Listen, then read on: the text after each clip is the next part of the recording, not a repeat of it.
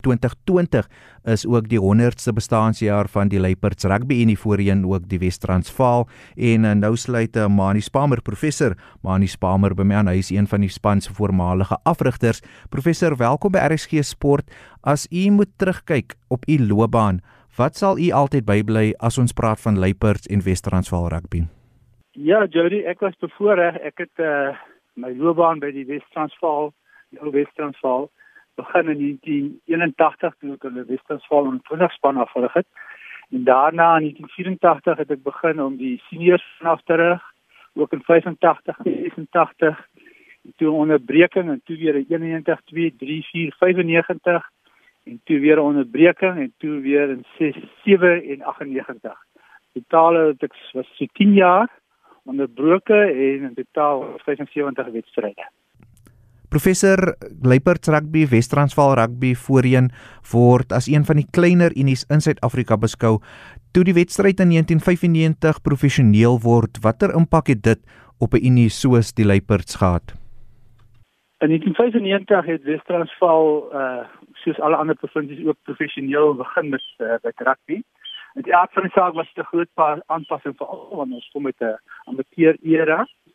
En uh ek dink as ek moet terugdink vandag was dit almal was nie gereed daarvoor gewees nie. Ek dink in Wes-Transvaal self het ons maar gesukkel. Dit het 'n paar jaar gevat om aan te pas. Maar ek dink soos die tyd verloop het, het hulle 'n groot sukses daarvan gemaak. Nou ja, dit was nogal 'n aanvanklike uitdaging geweest. Wat is die rol van die Noordwes Universiteit uh, se pik rugby span en ook die bydrae wat hulle tot rugby in die Noordwes provinsie oor die jare gemaak het?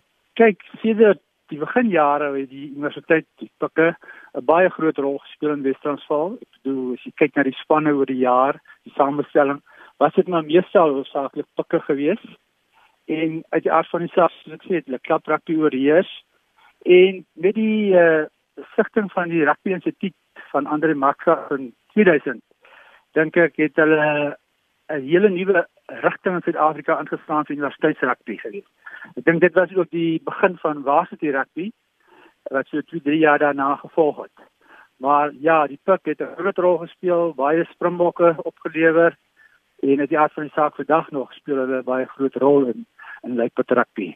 Professor, wie is van die spelers en wat is van die wedstryde wat jy altyd sal bybly as jy moet terugkyk op die loopbaan daar uh, by die Luipers en uh, Wes-Transvaal? Ja, so lank loopbaan onthou jy sekere wedstryde. Ek dink internasionale wedstryde wat ek onthou is eers in 1986 teen die eh uh, Jelandse Cavaliers gewees op Olymp Park. Dan ons het iets so 26 19 of so verloor. Dion Oosterhuizen was die veel gewees daai aand en hy het so 10 minute voor die tyd met 'n besering van die veld en toe deur wissel van 'n Merron uh, vervang. En ek weet in die laaste het hy 'n beweging gehad en het gewissel op die hoek uitgekyk en ek is seker daarvan is Dion daar was wat seker een van die vinnigste rugby spelers wat Suid-Afrikaanse geskiedenis was daar was kon ons dalk daai drie gedruk het. So ja, dit was 'n ervaring in 1994, ag skiet so in 92. Ja, nadat Australië die wêreldkampioen geword het, het ons teen Olimpiak ook teen hulle gespeel. En uh, ek onthou my nie af op het ons die bal aangeslaan, lyn staan 5-3 van die doellyn af en hulle drukke 3. En so ons het so 'n bietjie aan bomskok gelei, maar so teruggekom en goeie rugby gespeel op daai hele toer van Australië het hulle 6-3 afgestaan. Springbokke ingesluit en ons drie van daai 6-3 het teen hulle gedruk. En dan die ander internasionale hoogtepunt vir my was ook in 94 toe die Engelse Engeland en Suid-Afrika kopieer. Hulle was in 91 natuurlik in die finale teen Australië gespeel en ons het daai wedstryd net met 26-24 verloor. So ja, dit is die internasionale wedstryd wat my sal bybly. En uh miskien moet ek ook dalk sê ek was bevoorreg om in 96 die Springbok afspan af te rig in die Britse eilande en ook van daai wedstryde teen Wales, Engeland, Ierland en Skotland as wedstryde wat altyd sal onthou. Wie is van die spelers wat ook deur die jare deur die hande gekom het? Ja, ek het 'n redelike paar hoop nou nie ek as ek mense uitsonder dit is dis nie doelbewus nie. Maar uh mense soos Kobus Issa, Jon Oosthuizen, Flip van der Merwe, Robert de Pre, uh Botaresou, Skitterbecker en baie wat provinsiale rugby opgespeel het. Nou professor laastens 'n paar weke gelede het kollega Hendrik Schulze insetsel gedoen oor die geskiedenis van Luiperds en Wes-Transvaal rugby dit het baie terugvoering gekry.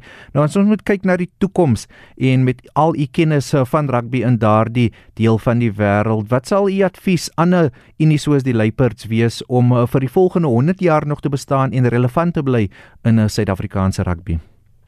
Ja, ja, dis 'n moeilike vraag, uh Jody. Ek dink uh, rugby in die platteland en die kleiner unies het 'n geweldige uitdaging. Daar gaan rugby primêr oor geld. Ons sien selfs dat die groot uh unies kry swaar. So ek dink uh, dit gaan baie moeilik gaan te leef.